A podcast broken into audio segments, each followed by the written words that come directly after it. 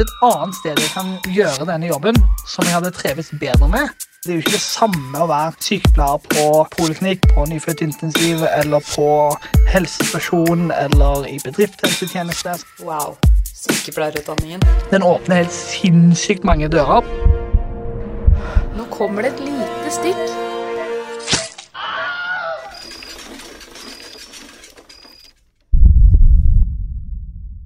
Kjære alle sammen. Velkommen til en annerledes, men ekstremt viktig episode av Hjelp, jeg er sykepleier. I dag skal vi verken snakke om en spesifikk arbeidsplass eller videreutdanning, men vi skal snakke om et stort samfunnsproblem som dessverre også opptrer i helsevesenet, nemlig rasisme. I denne episoden skal vi snakke om rasisme mot helsepersonell. I studio i dag har jeg med meg sykepleier og antirasist Hanna Magnussen Krogvold, som har skrevet sin bacheloroppgave om nettopp dette, rasisme mot helsepersonell. En oppgave hun by the way fikk A på. Gratulerer med det. Takk. Vi skulle også hatt Tinashe Williamson i studio her i dag, men hun måtte dessverre melde avbrudd pga. Av private årsaker. Men Hanna, du er her, og det er tross alt du som har skrevet denne oppgaven. Det er du som sitter med forskningen, så da sier jeg bare velkommen til studio. Takk skal du ha. Skal vi kjøre på med tre kjappe, da? Det kan vi godt gjøre. Ja, Hvorfor ble du sykepleier? Jeg søkte egentlig på paramedic bachelor, mm. men av Ja, jeg var syk når det var fysisk opptaksprøve, så da gikk det akkurat ikke. Da var det sykepleieren isteden. Tanken var jo utgangspunktet at med en sykepleierbachelor kan jeg også jobbe i ambulansen. Så har jeg gått mer bort fra det. Tenker at sykepleien er en kjempe lett utdannelse å bruke til veldig mange forskjellige ting. Jeg jobber nå på avdeling for traumatisk hjerneskade på Sunnaas, og stortrives der. Så bra. Jeg har lyst til å bli der en stund, i hvert fall. Ja, Kanskje jeg må lage en episode om Sunnaas etter hvert, da? Det kan du godt gjøre. Det er masse, masse, masse spennende som foregår der. Men det kan vi snakke om en annen gang. Jeg ser bare flere og flere muligheter for denne podkasten. Men hvorfor valgte du egentlig å skrive om rasisme mot helsepersonell da du skulle skrive bacheloroppgaven din? Det er et litt sånn sammensatt spørsmål å svare på. På den ene siden så er jeg veldig opptatt av å jobbe mot diskriminering og fordommer av alle slag. Enten det er homofobi, om det er fordommer basert på hudfarge, språk, etnisitet, hva enn det måtte være. Og jeg ser også Jeg har også sett dette mye i praksiser og på arbeidsplasser hvor jeg har jobba tidligere. Jeg har sett at det skjer. Jeg har sett at det at man møter rasisme fra pasienter, fra pårørende, fra kolleger, gjør at folk ikke har det bra på jobb, eller at de rett og slett blir hindra i å gjøre jobben sin. Så det hadde jeg lyst til å se nærmere på når jeg skulle skrive bacheloroppgave. Hva du fant av forskning, det skal vi komme tilbake til, men det var en ting du skrev i oppgaven din som jeg syntes var så fint. Det var at det er ikke en selvfølge at kvinner f.eks. har de rettighetene vi har i dag. For det er noen som har gått foran oss og tråkka opp stien for oss, og nå må vi på en måte gå og tråkke opp stien for de som kommer etter oss, sånn at de også kan få det bra. Absolutt. Og jeg er hvit selv, så rasisme er jo ikke noe som jeg selv kjenner på kroppen. Men jeg syns ikke at Jeg syns denne kampen er såpass viktig å ta at vi kan ikke forvente at de som berøres av det selv, skal måtte ta denne kampen alene. Vi må være med på laget, alle sammen. Vi må snakke om det, alle sammen. Og jeg tror også at mange av de som er, eller har, rasistiske holdninger, hører ikke nødvendigvis på en som har mørk hud, som sier fra om rasisme, men vil kanskje høre på meg. Så jeg føler at jeg har kanskje ikke legitimiteten som en mørk person har når jeg sitter og sier at dette skjer, men det er viktig at jeg også sier det, for dette må sies hundre ganger for at det skal gå inn. Tror jeg. Og grøsninger av det. fordi jeg snakket jo med Tinashe på telefonen om det her, at det er sånn at menn må snakke høyt om kvinnehelse. Hvite folk som deg og meg, vi må snakke høyt om rasisme, eller så blir det ikke like mye hørt på. Dessverre. Mm. Så når noen har spurt skal dere to hvite damer sitte i studio og snakke om rasisme, ja visst faen skal vi det. Vi skal kjempe saken for dem, vi er allierte. Mm. Så nei, dette Åh, jeg gleder meg til å komme i gang. Da er det bare siste spørsmål på tre kjappe. Ville du valgt sykepleieryrket på nytt hvis du kunne skru tiden tilbake? Jeg ville kanskje valgt sykepleieryrket tidligere. Jeg, har, eh, jeg er 31 år og var ferdig utdanna i fjor. Ja. Så jeg har jo surra litt før jeg landa på sykepleien. Så hvis jeg skulle valgt på nytt, så hadde jeg kanskje gått den veien tidligere. Mm. Men, eh, men jeg har hatt eh, veldig mange forskjellige erfaringer som jeg tar med meg inn i yrket. Eh, Så jeg ville på en måte ikke vært de foruten heller. Ikke sant? Hva gjorde du før du ble sykepleier? Hva gjorde jeg ikke? Jeg har jobba litt som fotograf og journalist. Jeg har jobba mange år i butikk. Jeg har vært ridelærer. Jeg har jobba med kundeservice for TV. Jeg har vært litt vikarlærer for videregående skole. Ja, Litt av hvert. litt av hvert. Hummer og kanari, men det tenker jeg bare all erfaring er god erfaring, egentlig. Absolutt. Skal vi bare ta det først om sist? Hva er egentlig rasisme? Jeg føler kanskje det er unødvendig å forklare, men eh, vi bare gjør det, så har vi alt på det, på det rene. Det er eh, et godt spørsmål. Eh, og det er et spørsmål som jeg mener at man må, eh, man må avklare før man begynner å ha resten av samtalen. Fordi at hvis du eh, stiller det spørsmålet til hvem som helst, så føler alle at ja, man vet hva det er. Og så begynner du å grave litt dypere, og så finner du ut at folk har veldig mange forskjellige oppfatninger av hva som er og ikke er rasisme, f.eks.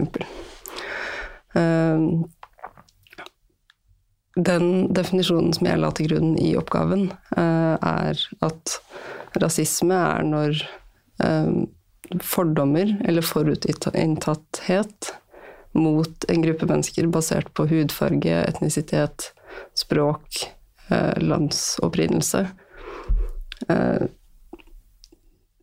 At, at oppfatninger av tilhørighet eller antatt tilhørighet til en gruppe på en måte settes likhetstegn mellom en del negative egenskaper, og at det kan medføre eh, utfordringer for den personen som rammes av rasismen.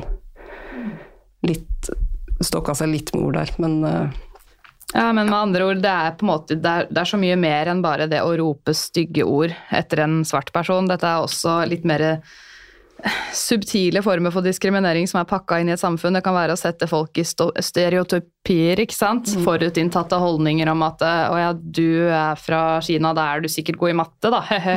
Det kan være en form for rasisme, selv om det ikke er like grovt som å spytte på en svart person på gata. For å si det på en litt folkelig måte. Ja, og, og det er det jeg så når jeg begynte å, å granske litt når jeg skulle skrive den oppgaven her, at eh, rasisme tar så mange ulike former. Eh, alt fra at Jeg er sikker på at hvis du spør noen som eh, er mørk, da, og bor i Norge, hvor mange ganger de har fått spørsmålet 'hvor kommer du egentlig fra', eh, så har de slutta å telle for lenge siden. Og, og det er jo ikke at folk, at folk mener det vondt, men det blir en konstant påminnelse om at man er annerledes. Eh, som man kanskje ikke trenger. Kanskje er man oppvokst i Norge, født og oppvokst her. Eh, man har ikke noe annet sted hvor man føler tilhørighet til. Så den liksom, insisteringen på at du kommer ikke egentlig herfra, eh, blir en slitasje i seg selv. Jeg skjønte ikke det før, at det var noe problem å spørre hvor kommer du fra, hvor kommer du egentlig fra, for det er et spørsmål som jeg har stilt andre før, men jeg har tatt et ganske sånn oppvaskmøte med meg selv, eh, og jeg prøver å virkelig skjerpe holdningene mine, for jeg har skjønt at det er ikke så kult å hele tiden få spørsmålet 'hvor er du egentlig fra?' Da er det jo som du sier, da, du er ikke en av oss. Det er basically det man føler man får spørsmål om, kanskje hver dag. Ja, og, og, og det har jo egentlig I veldig mange tilfeller så har det jo ikke noe for seg å, å spørre om. Nei, hva skal man med den informasjonen, egentlig? Ja, altså Hvis jeg møter noen som eh, snakker norsk med aksent og, og er mørk i huden, så kan jeg spørre hvor de er fra. Men, men hva skal jeg med informasjonen om hvorvidt de er fra Somalia eller Eritrea eller Kongo eller Hvis det faller seg naturlig i en samtale eh, å snakke om eh, hvor man er født, hvor man har familie etc., selvfølgelig snakk om det eh, og spør om det. Men sånn, den derre helt ut av det blå, at det liksom er det første man spør om. Ja, det er sånn man, man starter samtalen, liksom. Den, er samtaleåpneren. Det skjønner jeg jo at folk blir lei av, ikke sant. Eh, Men, men det er klart at det er jo noe helt annet enn at noen står og skriker uh, ukvemsord til deg på busstoppet. Uh, Ja. Eller at du uh, søker 70 jobber uten å bli kalt inn til et intervju. Eller at du ikke finner utleiebolig fordi at hver gang du møter opp på en visning, så merker du at huseieren ikke har lyst til å leie ut til deg, og du hører aldri noe mer. Altså det er forskjell på, det er forskjell på ting som er ubehagelig eller slitsomt eller en belastning, men som ikke har noen praktisk betydning, kontra ting som er direkte skadelig, eller som hindrer deg i å utøve livet ditt, eller å bo der du ønsker, jobbe med det du vil, fordi at du møter fordommer. Ja, da har vi snakka litt om eh, hva rasisme er, eller hva det kan være, men hvorfor finnes egentlig rasisme? Det er jo ikke sånn at man blir født rasist.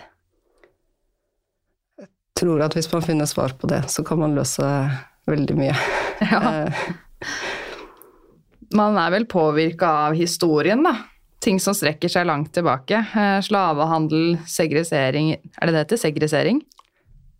Segregering. Segregering, ja, det var nesten Jeg, jeg stotrer litt med ordet noen ganger. Men det er jo ting fra historien. Apartheid, eksempel, fra Sør-Afrika. Når var det den, den slutta med det, egentlig? 90-tallet? Altfor kort tid siden. Ja. Eh, og de som ikke vet hva apartheid er, de kan eh, google det. Men det er jo da at eh, Tenk deg et skilt. Blacks this way, whites this way. Sykehus for svarte, sykehus for hvite. Mm. Skikkelig sånn skille. Og det var det jo i Amerika, men det Når slutta det med det, egentlig? Det var jo den bo- borgerrettighetsforkjempelsen på 60-tallet, i hvert fall, med Rosa Parks som satte seg på den hvite bussen, og det var jo sivil ulydighet den gangen. Nå er det sånn, herregud, det skulle jo faen meg bare mangle. Men hvor mye lærte du om det på skolen, Hanna? Jeg husker jo at vi var gjennom uh, noe av det, men jevnt over så snakker vi jo egentlig ganske lite. Uh, I hvert fall der jeg gikk på skole, om eh, ja menneskerettigheter i praksis, da. Altså vi, vi, vi går gjennom man, man har jo selvfølgelig menneskerettighetene på pensum, og man snakker om dem, og det henger plakater i klasserommene iblant, og ja. Men, men hva det betyr i praksis, og og hvilke brudd på menneskerettighetene som har skjedd opp gjennom historiene, eh, snakker man kanskje ikke nok om.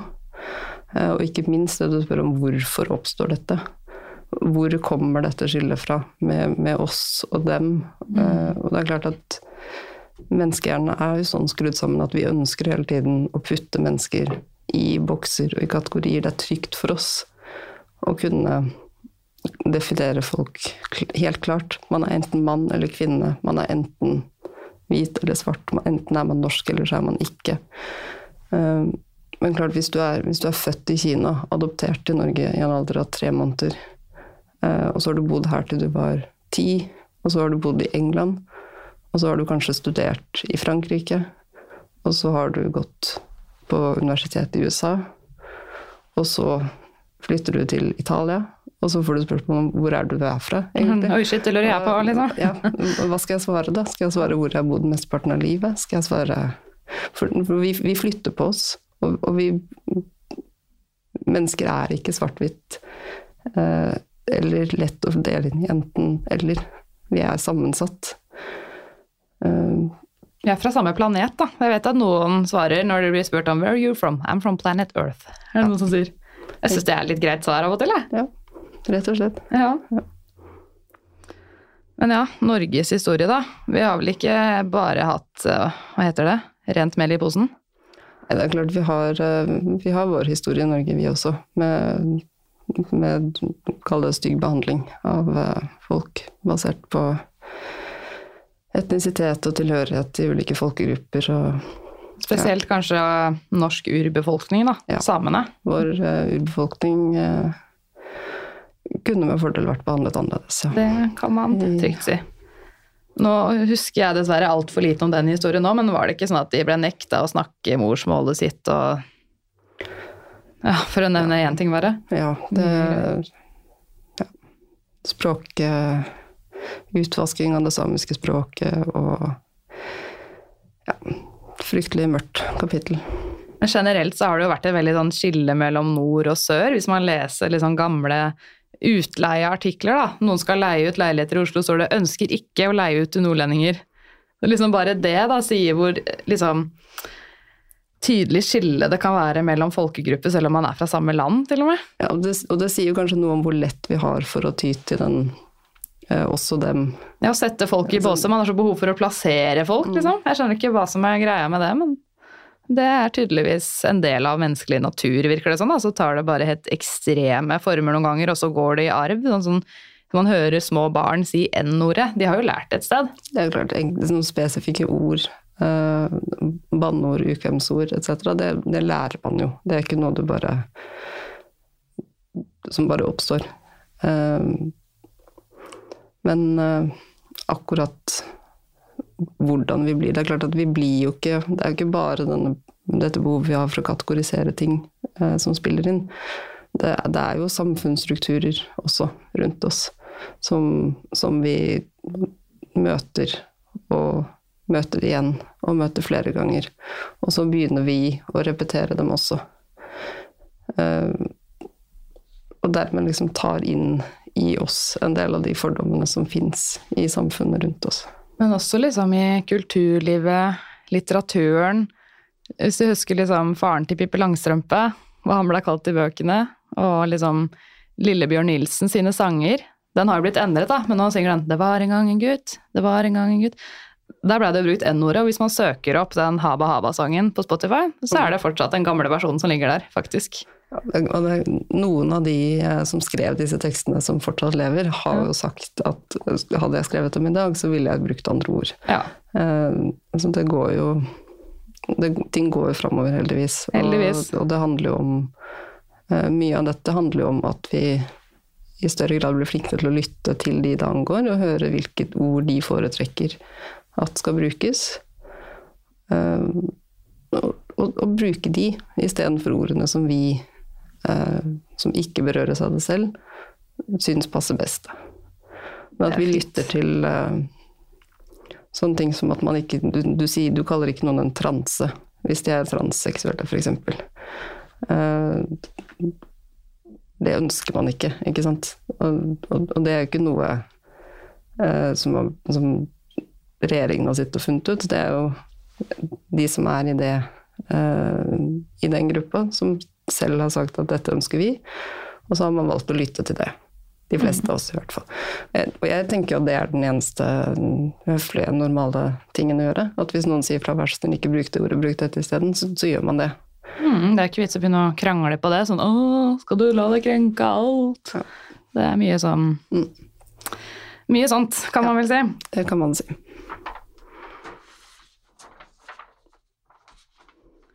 Ok, da skal vi gjøre et dypdykk i din bacheloroppgave. Mm. Rasisme mot helsepersonell. Hvordan påvirker rasisme sykepleierens yrkesutøvelse? er da tittelen på oppgaven. Mm. Så har du gått ut ifra noe som heter kritisk raseteori. Hva er det? Kritisk raseteori er en teori eh, som faller innunder paraplyen kritisk teori.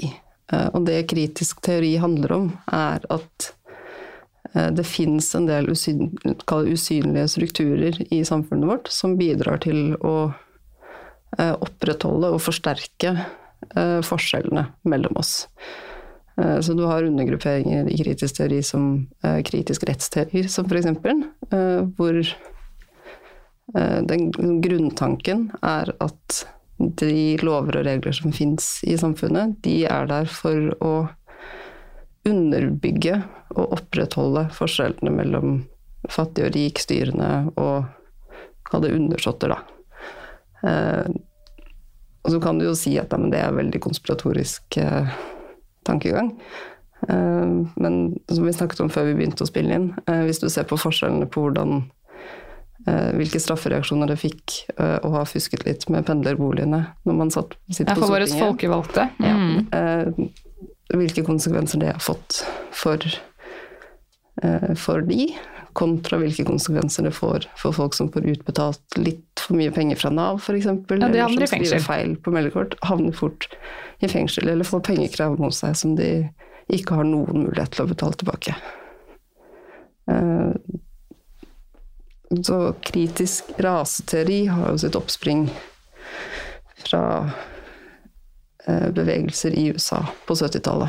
Og borgerrettsbevegelsen, Yes. som vi var inne på i stad. Ja. Mm. Eh, Så det handler jo om at eh, man så at eh, med hele den borgerrettighetsbevegelsen i USA, at man fikk inn Du fikk inn antidiskrimineringslovverk, og du fikk inn en del eh, Kall det rammer, da. Som gjorde at det skulle vært eh, likestilt mellom hvite og svarte i USA. Men det man så, var at disse lovene og reglene var ikke tilstrekkelig. Det var fortsatt systematiske forskjeller på hvit og svart. eh, På ulike områder, på skolene, på hvordan man blir behandlet, hvordan man blir behandlet av politi, ikke minst. Eh, Så ut fra det så har eh, kritisk raseteori oppstått. Jeg leste det jo i oppgaven din, så sto det at det de på en måte har fått fram da, sånn samfunnet dessverre fremstiller det, det er på en måte den svarte kvinne på bånn og den hvite mannen på topp.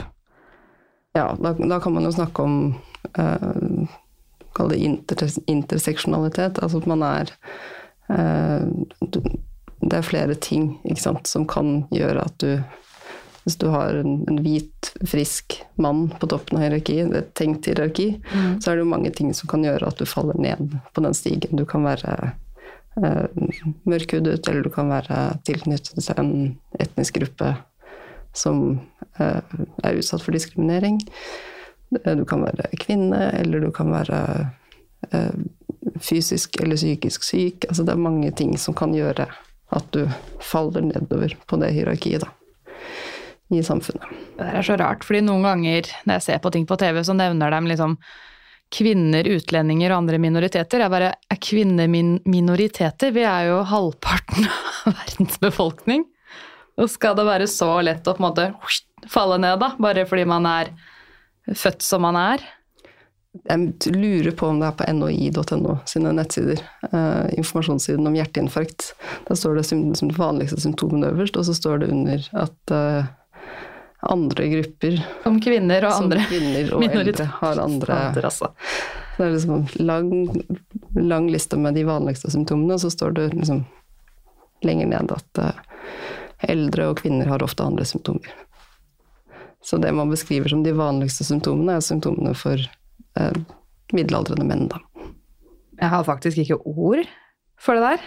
Men jeg vet jo også at eh, hjertemedisiner, da, eh, spesielt mot høyt blodtrykk, det er bare omtrent forsket, av, ja, forsket på menn, da. Utfordrende å forske på kvinner som har eh, Altså, jeg er jo livredd for å få hjerteproblemer, da er det ingen som vet åssen de skal hjelpe meg. Uff, jeg bør egentlig kanskje slutte å drikke alle disse energidrikkene mine, men uh, noe må man ha. Ja.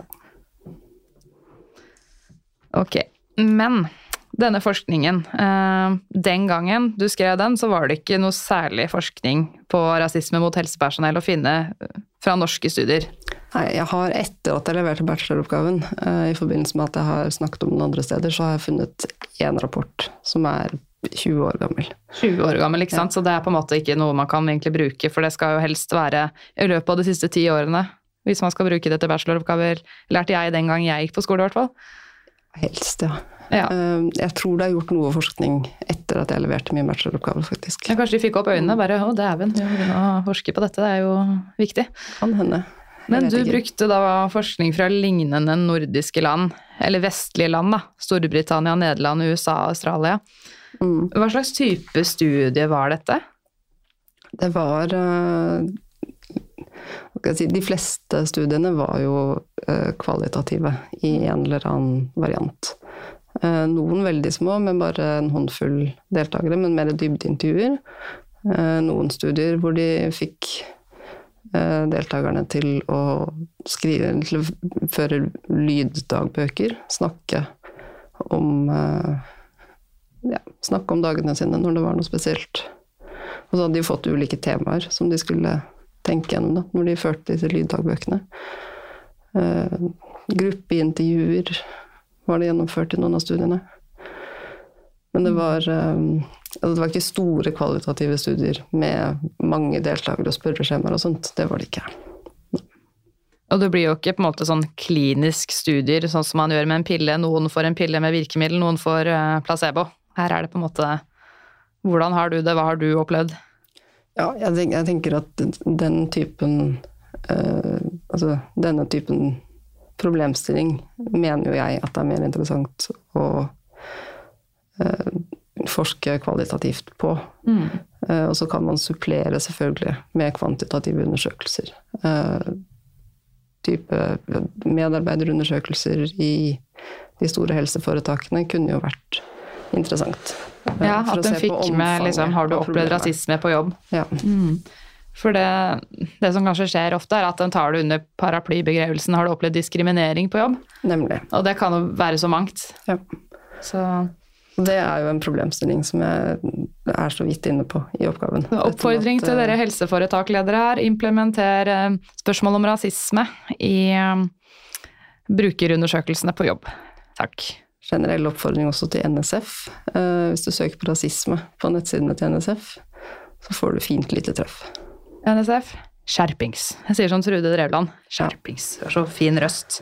Snakker en del om diskriminering generelt, men eh, jeg tror vi har godt av å snakke mer konkret om eh, den formen for diskriminering som vi kan kalle rasisme. For dette skjer jo, i hvert fall i alle andre vestlige land, ser det ut som. Hva var det disse studiene viste for noe? Det studiene viste, eh, og som også er ganske interessant med tanke på at det er fra Australia, USA, Europa, eh, og også i ettertiden jeg har funnet den 20 år gamle rapporten fra Norge, er at de viser omtrent det samme. Eh, De viser at vi har et sånt slags syn, liksom verdenssamfunnet egentlig som helhet, på sykepleiere som Eh, altså, vi, vi ser for oss Florence Nightingale, ikke sant. Uh, hvis, du, hvis jeg sier sykepleier til deg, så er det en, en hvit, uh, lyshåra kvinne. Og som meg. Typ, ja. Du er liksom stereotypen. Du er middelklasse òg, sannsynligvis. Middelklasse Altså. Jeg er et gjennomsnittsmenneske når det gjelder sykepleiere i Norge. Absolutt. Ja. Eh, og, og Florence Nightingale var på en måte den som grunnla sykepleieryrket, så hun har blitt et sånn slags ikon. Eh, og det er vanskelig for folk eh, å, å se for seg at sykepleiere kan være noe som ikke samsvarer med Hadde det ikke hun mørkt hår? Jeg bare prøvde å se for meg Florence. Hun har ikke mørkt, mørkt hår. Hun er ikke mørk. Nei, nei. Nei. Eh, Vi kan søke opp et bilde av Florence etterpå. Ja. Men i hvert fall så, så har eh, Det er jo også en, en teori som er så vidt innom i oppgaven. Dette med appropriate labor theory. eh, som handler om at hvis, du, hvis jeg nevner en yrkesgruppe for deg, så ser du for deg en person som utfører det yrket. Brannkonstabel er en, en mann på typ 1,80-1,90. Eh, Skalla og masse muskler. ja, lite hår, sånn at det ikke er noe så- noe svik på toppen, og kanskje litt lite øyebryn også. Eh, og ja, breiskuldra og sterke, ikke sant. Eh, og, og jeg kan jo utlevere meg selv litt og si at da vi bestilte vaskehjelp hjemme, i en periode hvor det var ganske hektisk, uh, og det kom en uh, kjempehøy, tynn 19 år gammel gutt på døra, så var jo ikke det vi, det vi hadde forventa. Hva er det dere hadde forventa da? Nei, man forventer jo kanskje at det skal komme en, en dame, ikke sant. Eh, Og i hvert fall ikke en som er såpass ung. Eh, det, ja. Kanskje en dame med annen bakgrunn enn norsk òg? ja. Ja. Det skal sies, da. Han var, eh, han var ikke norsk, han var arbeidsinnvandrer. Ja. Så det var det eneste da, som vi merka at den er jo det man forventer, ikke sant. Men, men det blir jo For meg så er jo det en påminnelse på at jeg har også mine fordommer. eh, og mine hvordan jeg forventer at verden skal være. Hva jeg forventer når jeg går ut døra, eller når jeg møter noen. Eh, og disse kalde fordommene har vi jo i oss hele tiden. Hvis ikke så hadde vi jo Jeg hadde jo blitt overraska når jeg åpna øynene om dagen og verden fortsatt var som i går, hvis ikke jeg hadde hatt liksom en eller annen grad av forventning til hvordan verden skulle være. Men så er det jo klart at det går jo en grense for når disse forventningene blir fordommer og skadelige. Ikke sant? Jeg merker jo også det på sykehusene hvis pasienten spør legen og når kommer han, sier jeg hun kommer etter tolv en gang. Jeg passer på å presisere noen ganger at det av og til også er en hun, fordi alle forventer at legen er en han og at sykepleieren er en henne. Mm. Veldig. Ja. Uh, Moren min er lege. Uh, hun, hun har fortalt masse historier om at hun har sittet og snakket med pasienter i sikkert 20 minutter. Uh, Og så har de sagt at det er veldig hyggelig å snakke med deg, men når kommer egentlig legen? Så Ja, for jeg hører jo noen historier om at noen kvinnelige leger alltid passer på å gå med legefrakken, eller så tar alle andre det bare for gitt at du er en sykepleier i stedet for. legefrakk og stetoskop og tydelig navneskilt hvor det står lege med store bokstaver. Men sånn lege går jo aldri med navneskilt. Ikke sånn som vi gjør med tittelen, de går med det der bipekortet. Mm. Men aldri noe sånn skikkelig sånn fint rosa skilt eller noe sånt som ofte sykepleiere bruker. Men stetoskopet er viktig. Stetoskopet, det, Ja.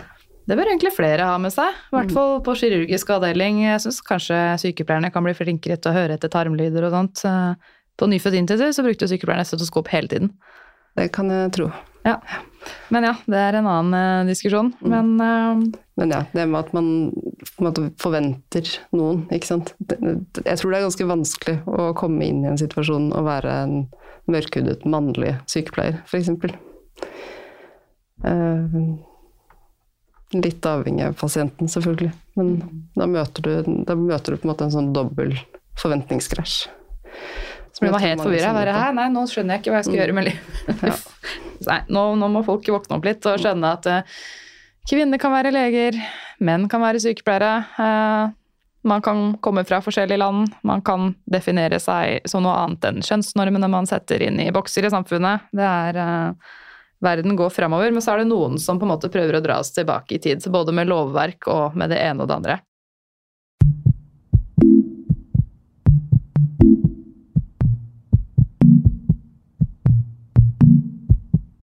Men tilbake til bacheloroppgaven din.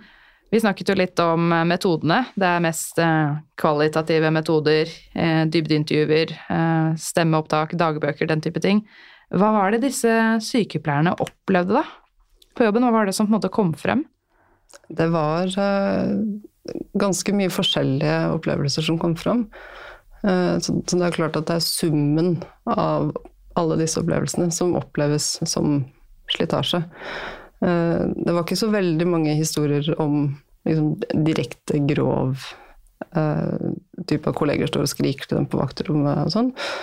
Uh, men det er, det er veldig mange uh, generelle småting over tid som de på en måte forteller om som en belastning totalt sett.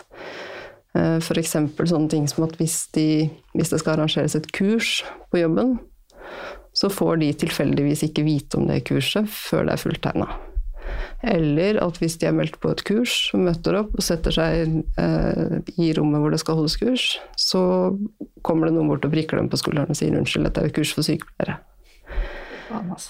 Eh, flere som forteller at de opplever at de blir forbigått til eh, eh, forfremmelser gang på gang. At de, de ser at de eh, begynner å jobbe et sted, eh, får opplæring der, blir trygge i rollen sin, som sykepleiere kaller det, på gulvet.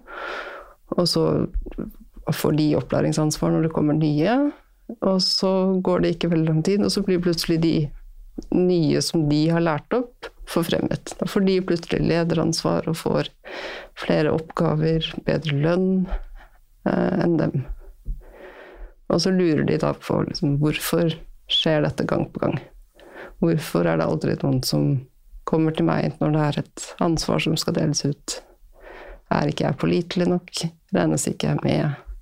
Blir jeg glemt? Gjør jeg noe galt? Um, og så blir man jo gående og tvile da, på seg selv. Og hvor verdsatt man er på arbeidsplassen, f.eks. Bare skyte inn en ting. Det her er basert på Det er sykepleiere, eller er det helsefolk generelt? Kun sykepleiere. Sykepleiere. Og dette er da sykepleiere med mørk hud som jobber i hvite land, i anførselstegn. Bare så folk får et bilde av Fordi rasisme kan jo være så mye. Ja, dette er eh, Det siste eksempelet eh, som jeg nevnte, er uh, henta fra en studie i eh, Australia, eh, hvor det kom høyt utdannede sykepleiere som ble liksom headhunta fra ulike afrikanske land. Fordi det trengte, de trengte arbeidskraft i Australia.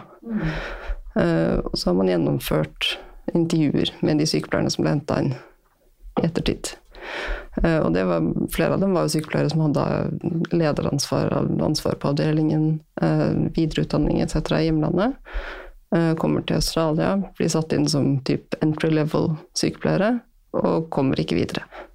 Så man blir på en måte nedgradert i dette ja. sykepleierhierarkiet, da. Ja. Sykt urettferdig. Ja, og det var det de på en måte kjente på også. At, at de ble liksom De følte at de ble veldig altså de var ønska, de var liksom hentet fordi man trengte arbeidskraften. Eh, det var ordnet leilighet til dem, det var velkomstkomité, yeah, hurra, nå får vi nye sykepleiere, ikke sant. Eh, og så gikk årene, og så følte de på en måte at de, de var liksom bare stuck i den eh, første jobben de fikk, da. Fikk ikke noe fortjeneste for hardt arbeid? på en måte? Nei, og, og, og, flere av dem sa at jeg har forståelse for at ikke alle videreutdanninger bare uten videre kan liksom overføres og godkjennes i et annet land. Og jeg har forståelse for at når man begynner et nytt sted, så begynner du kanskje på bånn. Altså sånne type ting. Eh, men de, de følte jo at de hadde mye kompetanse som de ikke fikk anerkjennelse for. Eh, og som, som ikke ble sett i det hele tatt. Og det her snakket vi jo om på telefon nå, eh, begynner å bli noen uker siden, men du spurte meg Hvis du ser på ledere, altså sykepleierledere rundt omkring på sykehus, sykehjem, hvor mange av de er hvite? Hvor mange av de har en annen hudfarge? Ja, vi, vi snakket litt på telefon om eh, Hvis du går rundt på et hvilket som helst sykehus, nesten, i Norge, og så ser du navnene og hudfargene på de som har egne kontorer, eh, som er ledere, eller som har ulike lederstillinger. Og så går du lenger og lenger ned, liksom fra de til mellomlederne, til sykepleierne på avdelingen, til hjelpepleierne, til renholdspersonalet. Og så du vil se at det blir, det blir mørkere og mørkere ja. lenger ned, da. Så enkelt kan man si det. Altså, det er flere mørke renholdsarbeidere og hjelpepleiere enn det er sykepleiere. Det er flere mørke sykepleiere enn det er mellomledere. Altså, hvorfor er det sånn?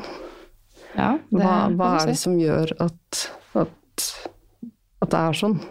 Det er jo ikke bare at de eneste kvalifiserte lederne er hvite. Det, altså, det nekter jeg å tro på. For det gjenspeiler jo ikke samfunnet. Hvis vi ser hvor mange som har en annen hudfarge enn ja, hvit, da, for å si det litt enkelt, så er det jo en del. Ja, og, og, det, og det, gjenspeiler jo ikke alltid mangfoldet i uh, Jeg tenker at hvis, hvis ledergruppa et sted ikke på noe vis gjenspeiler mangfoldet i de som jobber i organisasjonen for øvrig, uh, så har man jo kanskje et problem, da.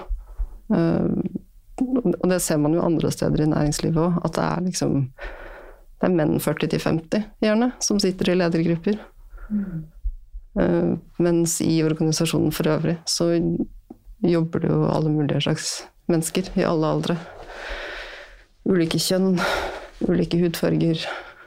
Kan være en kjempemangfoldig bedrift. Men ledergruppa er liksom Homogen gruppe? Veldig homogen. Mm. Uh, i, på flere ulike måter, ikke bare hudfarge.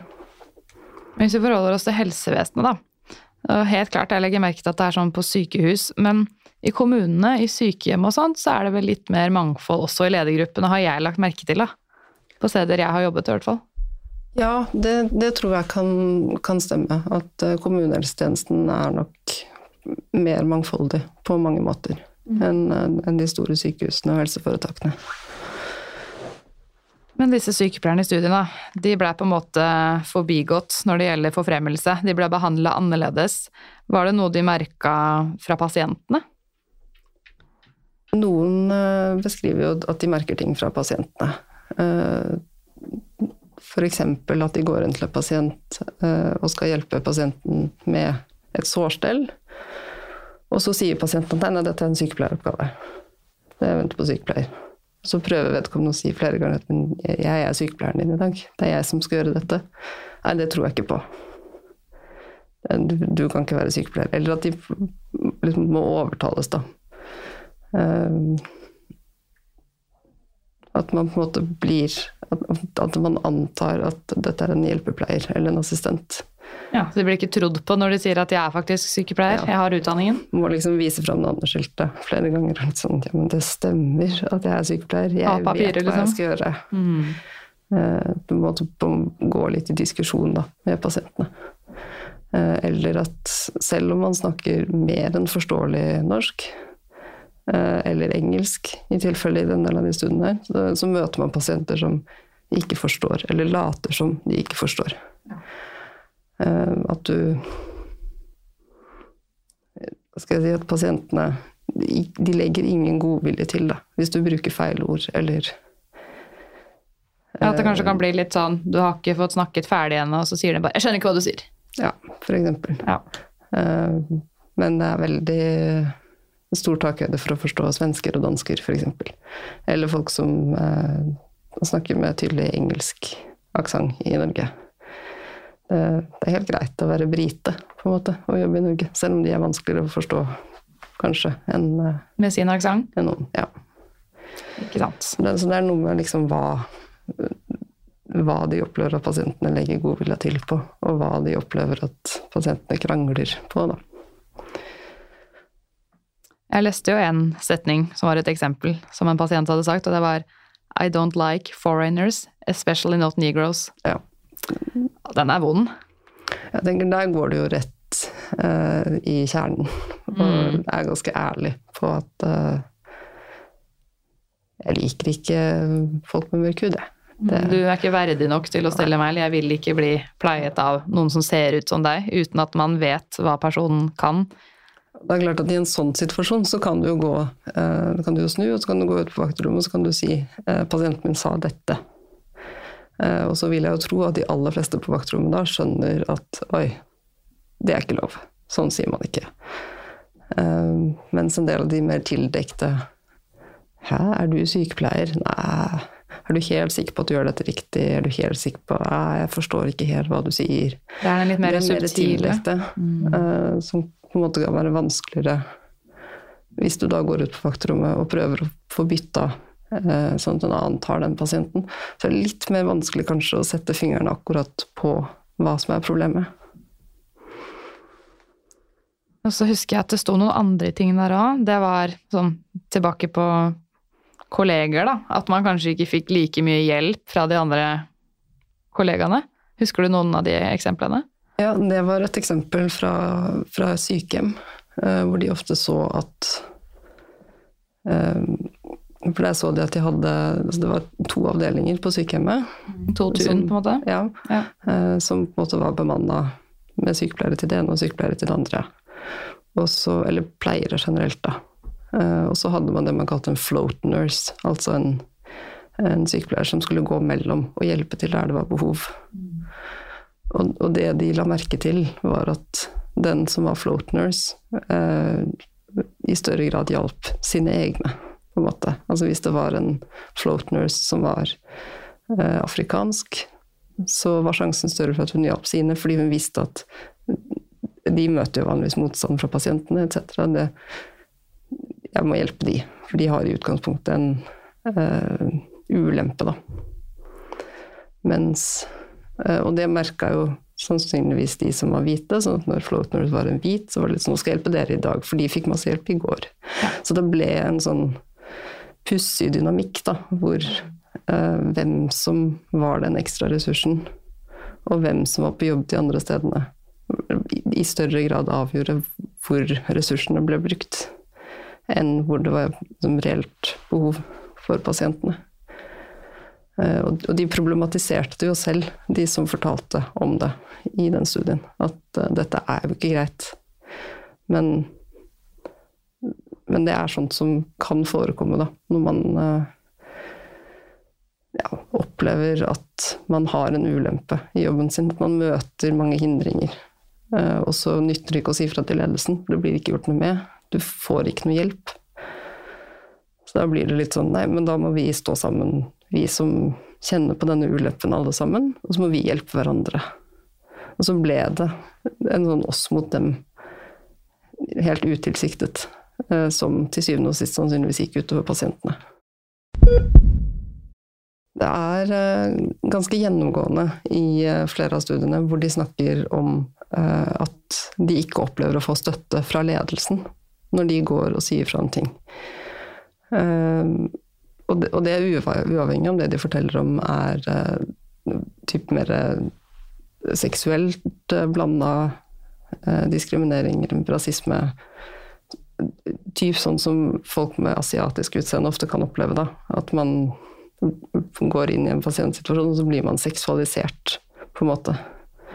Av, er det pga. sånn stereotypiske forestillinger at det, alle som er fra Thailand, de driver med happy ending etter massasjetyp? Kommer sikkert litt fra samme sted. Eller sånn derre uh, orderalife.com nettsider, som dessverre fins. Ja. Det kan godt hende at det kommer fra samme sted, ja. de fordommene. Ehm, men det var det jo flere som fortalte at de hadde opplevd, og prøvde å si fram til ledelsen, eh, og bare ble møtt med liksom, Det ble liksom bare feid bort. Ja, for nå husker jeg hva jeg skulle si. Det var at de som prøvde å si ifra, ikke ble trodd på. Ja. Mm. Eh, og opplever at selv om man blir trodd av lederen, så er det ikke Det er ikke Hva får man gjort, liksom? Det, Litt den derre ja, 'dette sånn, må du bare tåle', det er en del av pakka når du jobber som sykepleier? Ja, og litt sånn der handlingslammelse kanskje fra ledelsen. At dette vet vi ikke hva vi skal gjøre med, så det lar vi bare være å gjøre noe med. Eh, dette har vi ikke noe verktøy for å håndtere, så det må vi nesten bare la skure og gå. Bare bytt, du, så den annen tar den pasienten. Ja. Brannslokking, liksom. Bare få noen andre dit. Men man gjør ikke noe med hvorfor ilden oppstår, eller hva man egentlig bør, liksom, hvordan man bør håndtere sånne situasjoner. Mm.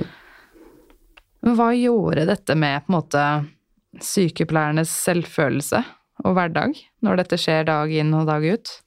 Flere som forteller at de eh, vurderer om de har lyst til å bli i jobben. Eh, om de har lyst til å bli i yrket i det hele tatt. Eller om de skal eh, flytte på seg. Eh, særlig i den studien hvor, eh, hvor, det var undersøkt hvordan de sykepleierne som var hentet fra ulike afrikanske land til Australia eh, Særlig der var det jo flere som sa at jeg, jeg flytter hjem igjen, jeg. Jeg har ikke lyst til å være her. Sånn, sånn kan jeg ikke ha det. Og så vet vi jo at kommunehelsetjenesten i Norge, helsevesenet generelt, men særlig kommunehelsetjenesten, er jo helt avhengig av eh, arbeidskraft som kommer utenfra. Arbeidsinnvandring, sykepleiere som enten er utdannet andre steder og kommer hit for å jobbe, eller som kommer utenlandsfra tar utdannelsen sin her. Vi, vi, overlever ikke uten. Så hvis vi ikke tar vare på dem, og de ikke klarer å bli i jobben fordi at eh, rasisme blir en ekstra belastning for dem, eh, så har vi et problem. For sykepleieryrket generelt er jo tungt. Det er belastende, det er slitsomt. Eh, vi møter mennesker som trenger hjelp. Vi ser fortvila mennesker, og, og, og, det er ikke til å unngå at man tar med seg ting hjem iblant eh, i tankene. Og det er fysisk tungt mange steder. Eh, så den rasismen kommer på en måte på toppen eh, og blir en tilleggsbelastning i et yrke som allerede er ganske krevende. Og hva gjør dette med selve yrkesutøvelsen, da? litt blir jo sånn som vi snakka om i stad, at det påvirker eh, liksom fordelingen av ressurser innad på avdelingen, f.eks. For eksempel, fordi at det kan styre hvem du hvem av kollegene dine du hjelper, hvem du støtter og stoler på. Um, når sykepleiere forbigås til kurs, eller uh, at man ikke nødvendigvis har uh, dyktighet og kvalifikasjoner som de høyeste kriteriene for hvem man forfremmer eller gir ansvar, så kan jo det i verste fall gå utover pasientomsorgen. At pasientene møter dårligere kvalifiserte sykepleiere enn de kunne møtt. Og så tror jeg veldig sterkt at hvis du ikke har det bra på jobb, så gjør du ikke en like god jobb som du kunne gjort. Hvis du går på jobb og føler deg utrygg, eh, du er usikker på om du har støtte fra lederen din, du er usikker på om kollegene har ryggen din, Eh, og du møter ting fra pasientene som du syns er vanskelig å håndtere, eh, så tror jeg man blir en dårligere sykepleier. Man har, man har på en måte bare et begrensa antall rom da, oppi hodet til ting som kan oppta deg.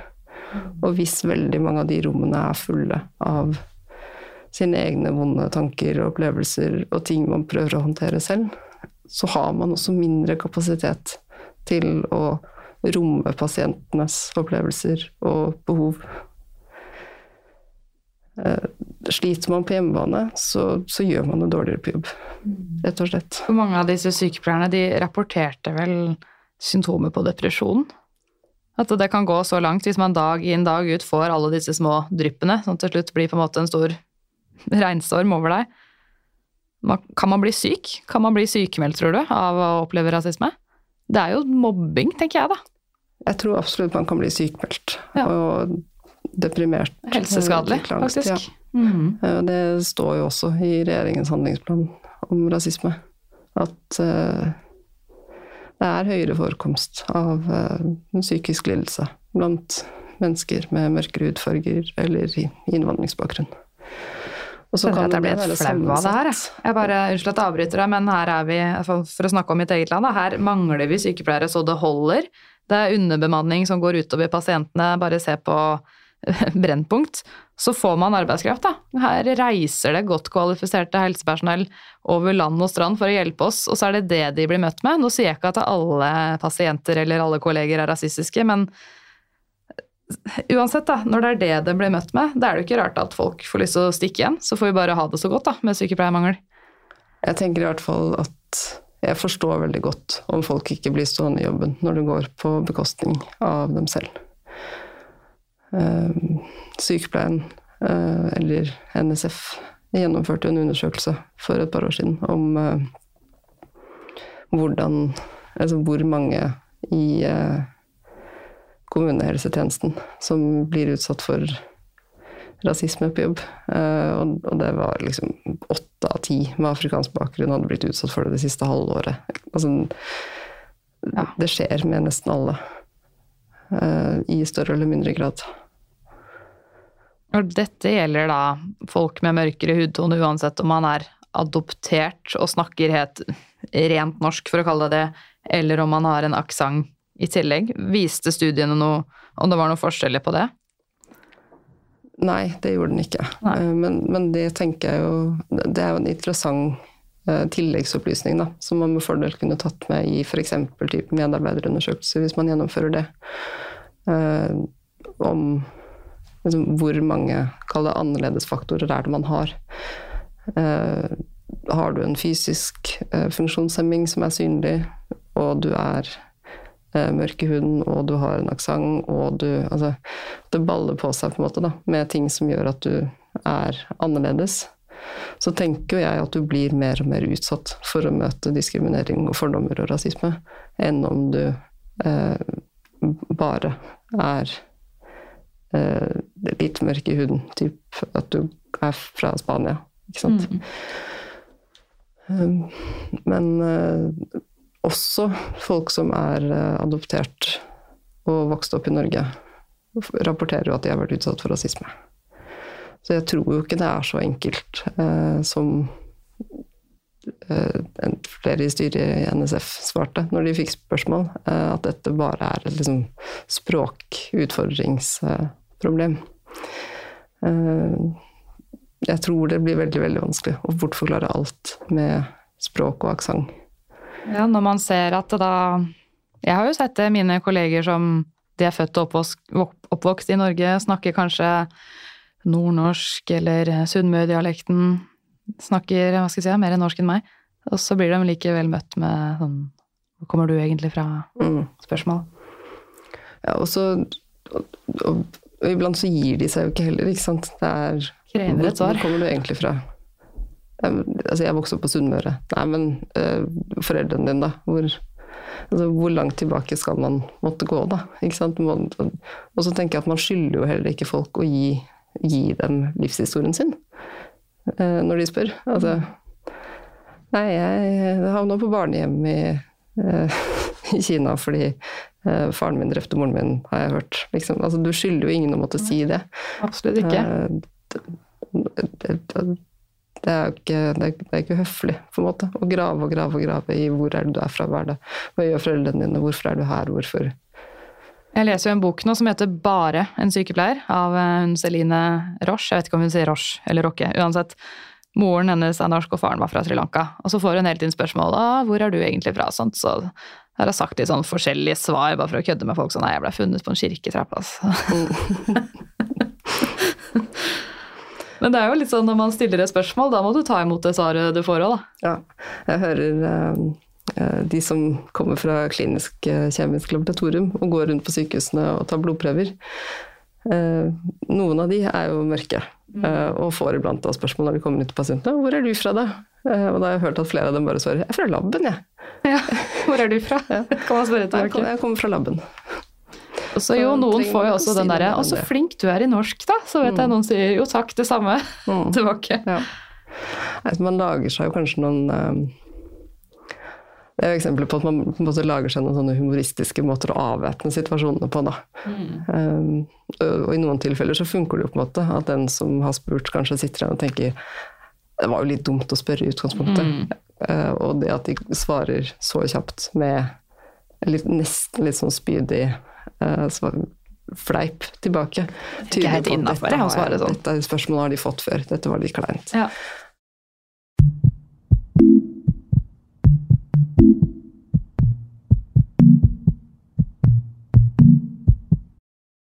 Ok, men eh, Hanna, hva tenker du når du leser om alle disse funnene, hva forskningen sier, hva, hva som skjer der ute?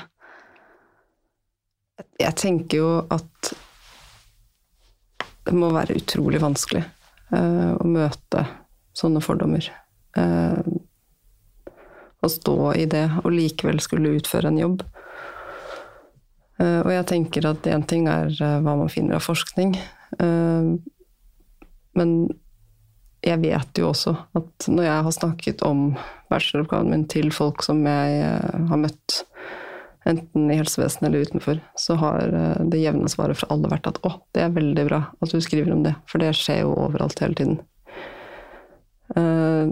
Og det var gjennom, gjennomgående før jeg begynte å skrive, og det har vært gjennomgående etter at jeg leverte oppgaven. Eh, og før jeg leverte oppgaven, så tenkte jeg det er bra, for det tyder jo på at det er mulig å finne noe som er skrevet om det.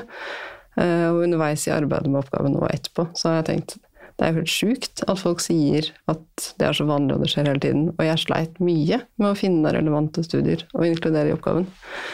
Eh, Så det er, det er underrapportert, eh, og det er ikke undersøkt nok.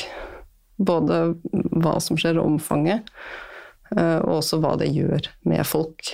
Eh, For veldig mye av det jeg har skrevet om hvordan det påvirker yrkesutøvelsen, etc., som egentlig er det jeg prøver å svare på, er jo at jeg tolker de funnene. Det er jo ikke at forskningen har konkludert. Så jeg tror at det, at det er et tema som vi må snakke mer om. Eh, Vi må løfte det opp og, og snakke mer om det. Vi må eh, tørre å lytte når folk forteller at de utsettes for diskriminering og rasisme. Eh, det må forskes mer på. Og vi må prøve å finne gode måter å jobbe mot rasismen på. Vi må, vi må finne måter som vi kan demme opp for disse holdningene på, som gjør at de ikke eh, går utover kollegene våre. Det står i våre yrkesetiske retningslinjer at vi skal passe på kollegene våre og støtte dem. Det må vi gjøre. Det, sånn er det. Det skylder vi dem. Så enkelt er det. Syns du folk er for dårlige til å snakke om rasisme, sånn generelt? Jeg syns at folk kanskje kan være litt kjappe til å avfeie alt med eh, at eh, du må ikke bli så krenka, eller du må ikke ta deg så nær av ting. Eh, for jeg tenker at i det øyeblikket folk har gått til det steget at de sier fra, så har man i utgangspunktet Da har begeret rent over, da. Har man vært gjennom ganske mye før man på en måte tar det steget at nå skal jeg si fra? Ja, det tror jeg. Det er ingen som løper og sier fra til lederen sin eller til kollegene sine for småting, er min erfaring. Hva tenker du når folk da sier du må ikke dra rasismekortet for alt? Jeg tenker at da har man misforstått litt hva det, hva det handler om. Eh, Jeg, jeg syns at vi i mye større grad kan prøve å ha en samtale hvor eh, hvor jeg lytter til mine kolleger og hører hva de har eh, å si om ting som de syns er vanskelig, enten på jobb eller hjemme. Eh, uten at jeg nødvendigvis skal si at de drar det ene eller det andre kortet når jeg er uenig med dem. Uh, og jeg syns vi kan tenke over hvem vi syns skal sitte med definisjonsmakten i disse spørsmålene her. Uh, skulle, det er derfor vi veldig gjerne skulle hatt Tinashe her, kjenner jeg. Mm. Uh, for å snakke litt med noen som, som opplever dette selv. og opplever å si ifra og bli møtt med 'dette er ikke en sak'. Sånn, hvis faen er det det? Hvis jeg kjenner at dette påvirker meg, så er det opp til meg å si. Det er ikke du som kan sitte her og si at uh, dette er ikke en sak. Det er den som kjenner det på kroppen, som må få lov til å ha definisjonsmakten. Absolutt. For jeg tenker at det der å si 'slutt å dra rasismekortet for alt, ikke ta deg sånn her', det blir litt som du vet Man hører historier om unge jenter som går til politiet og anmelder at man har blitt dopa ned og voldtatt. Er sånn, ja. Hvor kort skjørt hadde du på deg den kvelden, da? Hvor plasserer vi den skylda for mm. det man har blitt utsatt for? Ja. Slutt å skylde på offeret, tenker jeg. Mm, ja. Skal vi snakke litt om lovverket, eller? Det kan vi godt gjøre. Ja. Det, er, eh, det, er, jo ganske mange lover uh, er som er inne og regulerer det ene eller det andre mm. i disse situasjonene her. Um, og det blir jo I veldig mange situasjoner så blir det jo vanskelig å på en måte si uh, helt konkret hva man kan gjøre. uh, og hvilken lov som gjelder. Fordi at det, du havner i et sånt skjæringspunkt. Da. På den ene siden så har jo pasienten i henhold til pasient- og brukerrettighetsloven krav på helsehjelp. Vi som helsepersonell uh, har, er lovpålagt å hjelpe. Men vi har også vern mot eh, utilbørlige belastninger gjennom arbeidsmiljøloven. Og hva er en utilbørlig belastning? Hvor går grensa der? Eh, det skal Hvis vi mener at vi er utsatt for utilbørlige belastninger på vår arbeidsplass, så er det arbeidsgiver som skal rette opp det. I den sammenhengen her blir det ofte leder som må gå inn og avhjelpe i disse situasjonene. Eh, og til syvende og sist så har alle, uavhengig om de er pasienter eller ansatte eller pårørende eller hva som helst, et vern mot diskriminering i diskrimineringsloven. Så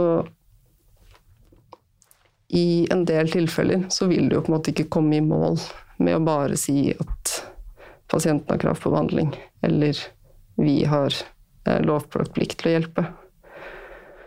Eller eh, jeg skal ikke utsettes for dette på jobb.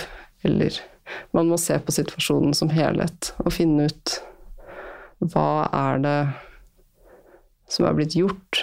Har pasienten fått et tilbud om helsehjelp? Eh, og takket nei, f.eks. ved å si at jeg vil ikke at denne eh, mørkhudede ansatte på laben skal ta blodprøven min. Skal man da si greit, men da kan du dra hjem? Eller skal man si greit, da går vi og henter en som er hvit. Eh, der tenker jeg det går et, et skille.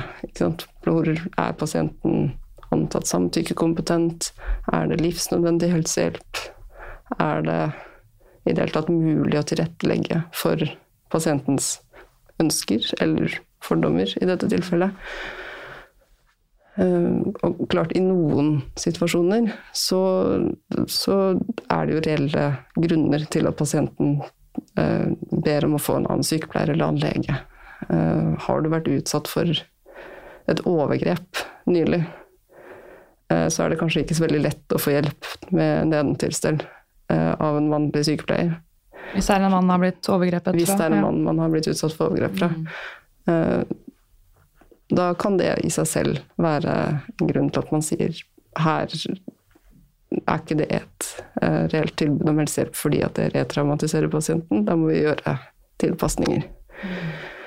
Uh, altså er jo det veldig sjelden tilfelle, er min erfaring. Det er veldig sjelden pasienten har noen god grunn til å ønske seg en annen sykepleier.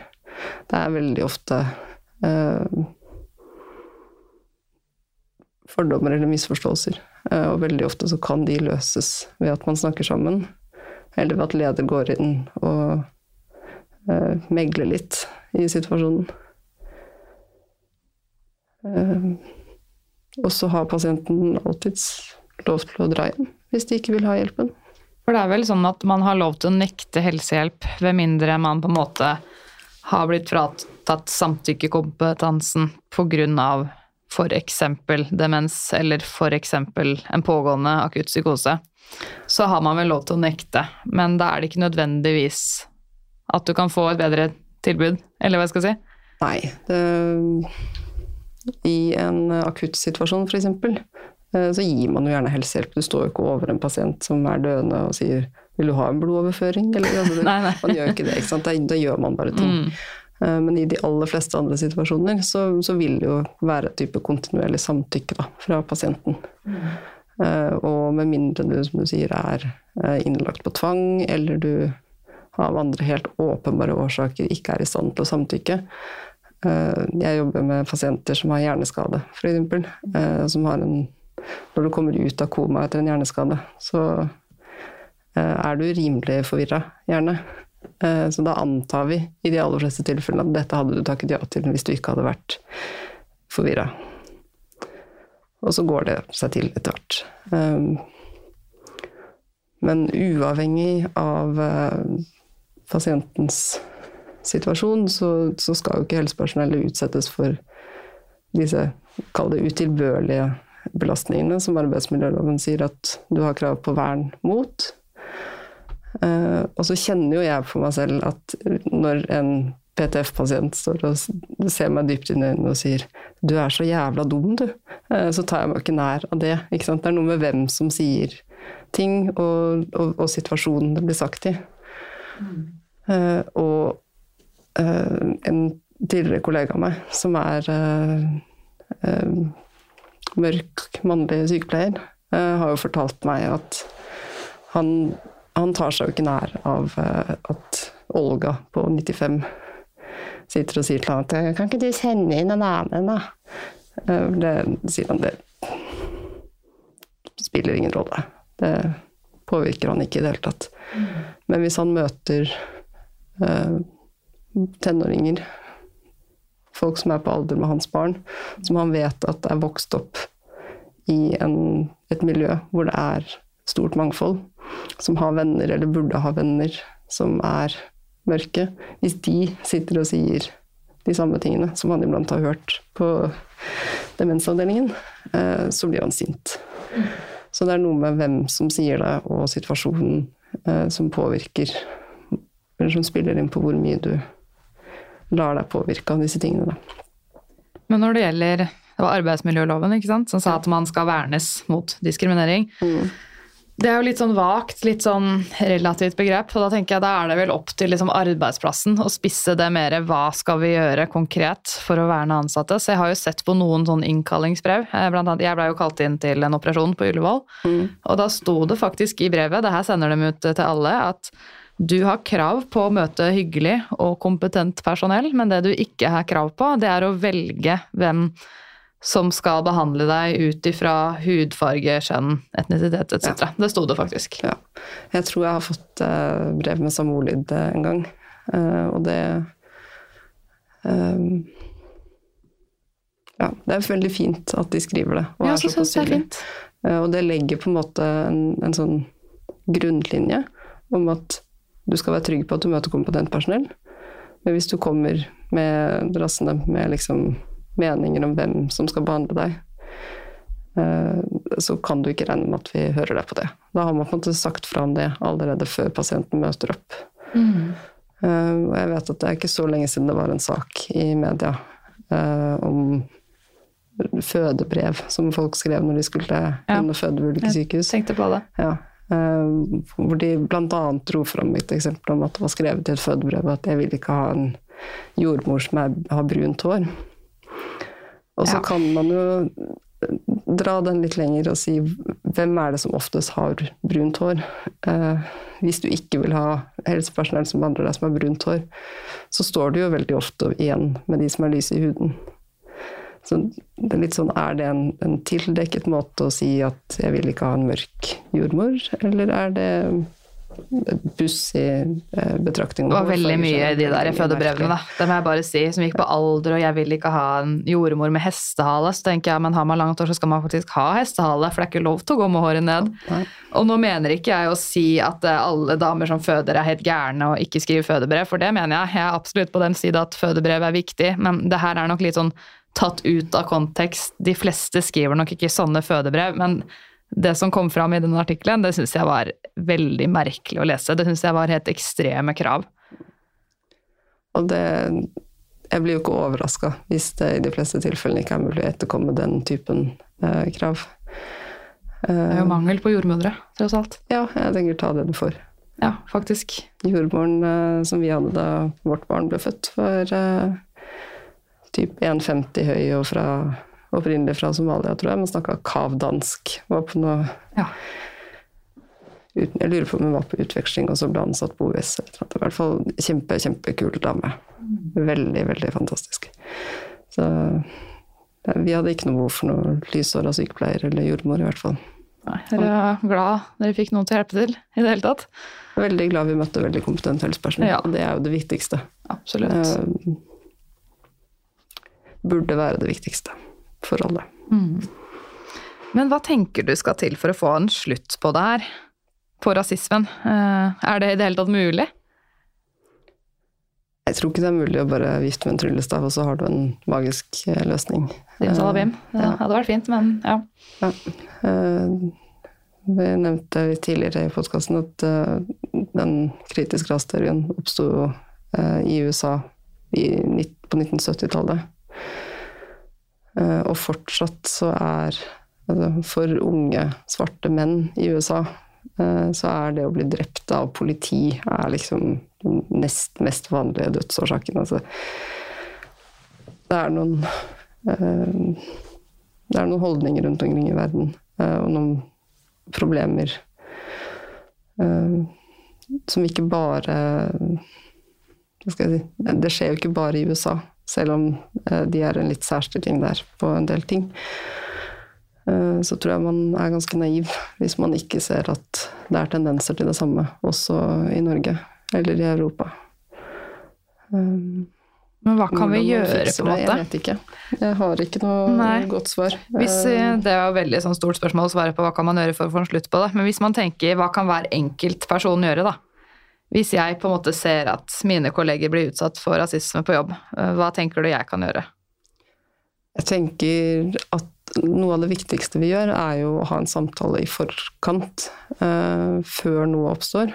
Uh, at man legger en slags plan på arbeidsplassen for hvordan man håndterer ulike situasjoner. Uh, slik at man vet at dersom jeg blir utsatt for XYZ, så har vi en plan for det. Eh, Da vet lederen hva som skal gjøres. Eh, Og det kan f.eks. være at man, at man har liksom et type Kall det innstegspunkt da, for at leder går inn og snakker litt strengt til pasienten. I mange tilfeller kan jo det kanskje være nok. Eh, Eller at pasienten i ytterste konsekvens bortvises, hvis det er et alternativ. At man vurderer at uh, dette er ikke livsnødvendig helsehjelp akkurat nå. Uh, og du fikk et tilbud om helsehjelp som du takker nei til ved at du behandler vårt personell på denne måten. Um, og så mer sånn på individnivå så tror jeg vi alle sammen må være litt flinkere til å tenke gjennom er jeg en trygg person å snakke med for kollegaen min? Er det trygt å komme til meg og si fra om noe? Er det trygt å komme til meg og fortelle om noe man syns er vanskelig? Helt uavhengig av hva det er. Eh, hvordan reagerer jeg? Hvordan tar jeg kollegaen min på alvor? Hjelper jeg dem? Eller bare nikker jeg og sier ja, ja, sånn er det? Eh, prøver jeg å finne løsninger? Tilber jeg meg å ta over pasienten, bytte om den typen ting? Um, og så tror jeg at vi alle sammen er nødt til å ha litt lavere terskel for å si fra i en del situasjoner. Korrigere uh, atferd fra pasienter.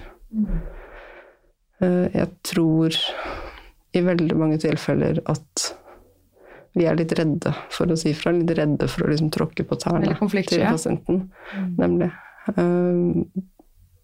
Men folk tåler stort sett godt at man sier fra. Og ikke sånn at man skal gå inn og kjefte, men at man bare kan si at du, det syns jeg ikke du skal si. Enkelt og greit. Nå snakket vi jo mest om hva vi kan gjøre hvis pasienten eh, er rasistisk, men hva med alle disse andre greiene med kolleger? Det er kanskje litt vanskeligere å si fra om, eller det er sånn hei, jeg blir ikke forfremma, hei, jeg får aldri høre når det er kurs. The system is racist. Sånn, skjønner du hvor jeg vil hen? At det er kanskje litt sånn, for da har man ikke sånn, en spesifikk ting som skjedde her og nå. Samtidig sånn, det bør jo absolutt si fra om, fordi forskningen viser jo at det der skjer. Så det blir jo kritikk på en måte Ja. til selve arbeidsplassen. Mm. Ja, og da tenker jeg jo at uh, igjen så er det viktig å være en god kollega. Uh, hvis man ser at det skjer, eller mistenker at det skjer, støtte kollegene dine hvis de sier fra. Hvis en kollega løfter hånda på et personalmøte og sier at jeg eh, vil bare spørre i plenum hvorfor jeg ikke har blitt eh, Hvorfor jeg ikke ble foreslått til den forfremmelsen. Jeg har jobbet her så lenge. Løft hånda du og si at det lurer jeg også på.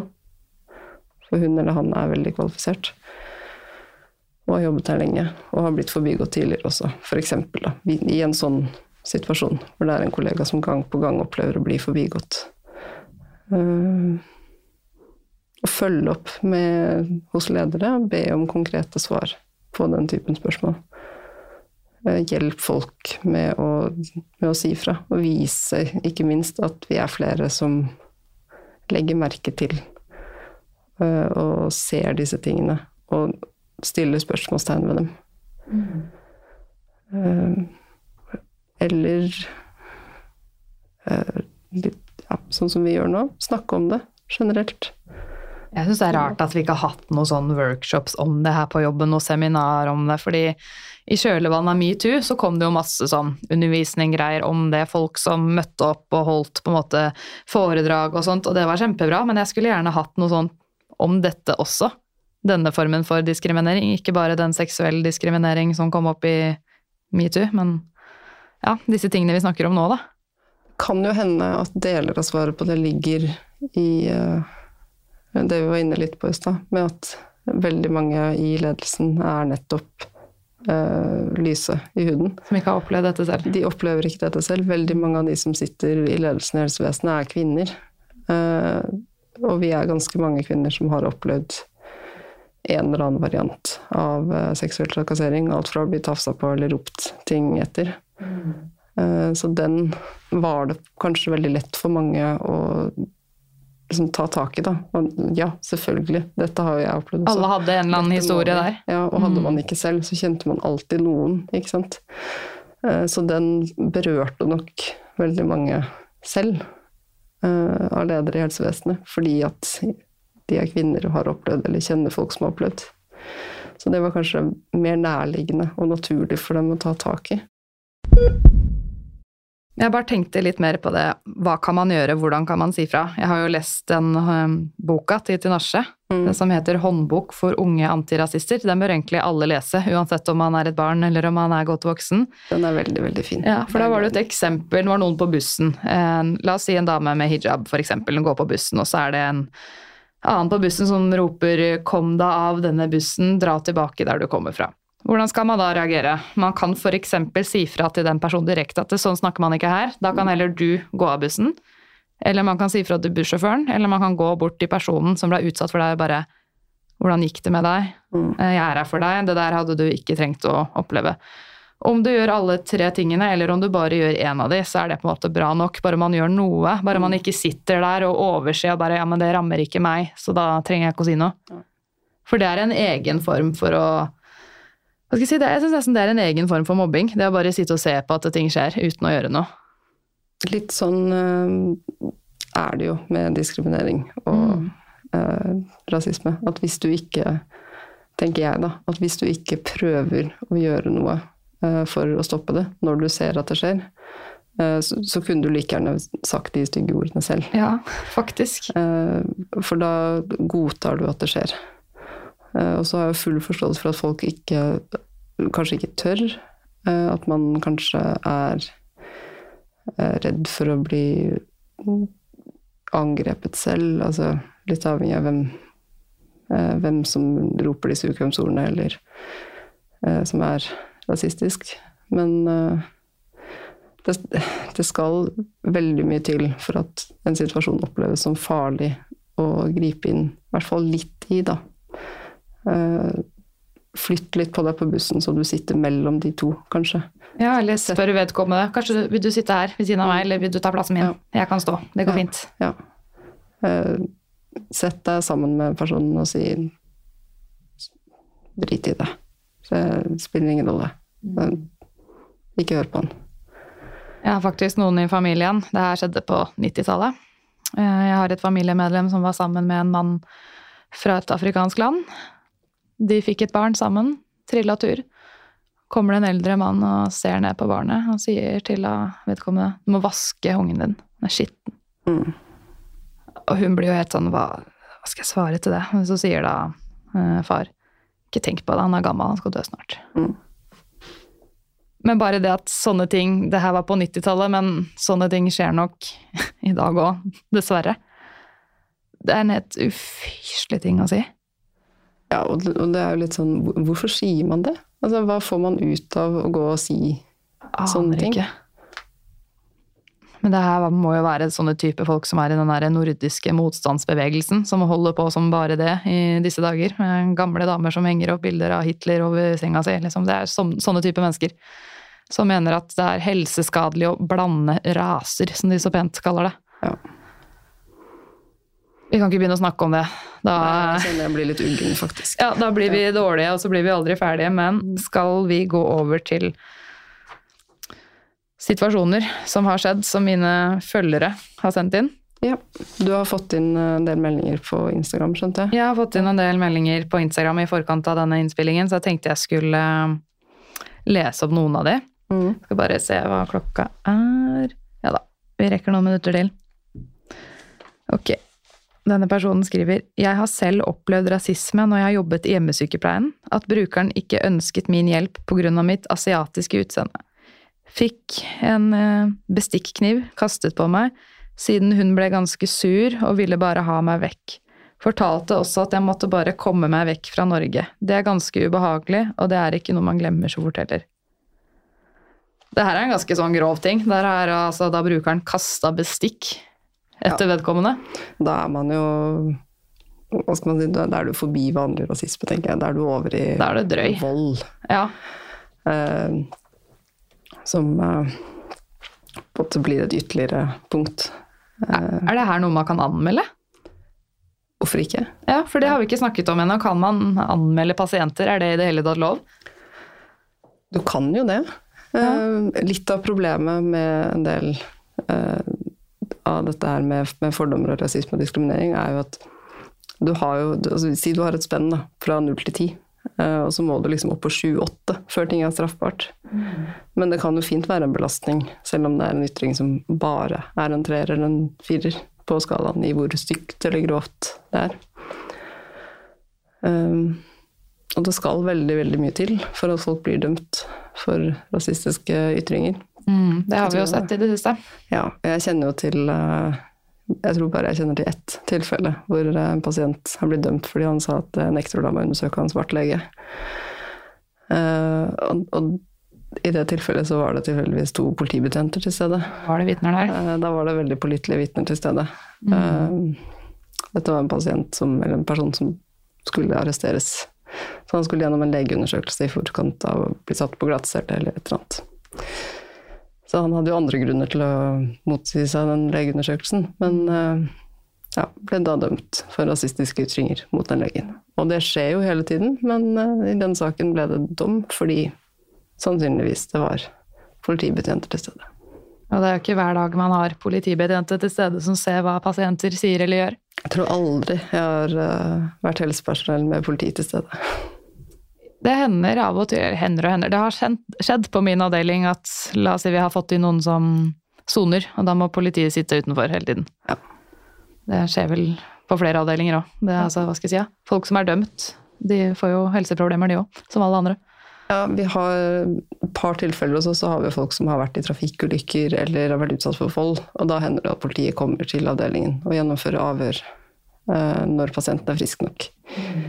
Men det er veldig sjelden, og jeg har ikke vært der når det har hendt. Så det er eh, ekstremt sjelden vi har politi til stede til å bevitne arbeidsoppgavene våre.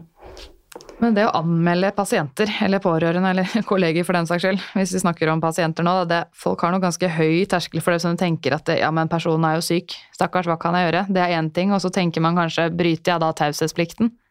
Hvis jeg anmelder pasienten? Det Ja, man gjør jo på en måte det. Um, så det er jo Det er jo ikke noe enkel sak. Uh, og da, jeg tenker at for at man skal gå til det skrittet å anmelde, så må det jo på en måte være en ganske drøy eh, sak. Og jeg ville nok ikke turt å gå og anmelde en situasjon selv. Jeg, jeg ville snakket med leder. Det er nok lurt å gå den veien vært, først, ja. uh, Så ville det i så fall vært leder som beslutta at dette her er så stygt at dette må vi anmelde. Og så bør man jo skrive avvik, tenker jeg. Være flinkere til det. Nå er det sikkert mange som tenker at ja, men jeg har skrevet så mange avvik, og det skjer jo aldri noen ting. Men Mm. da får man på en måte dokumentert det til riktig instans, sånn at man på en måte har et slags bevis, eller hva jeg skal si.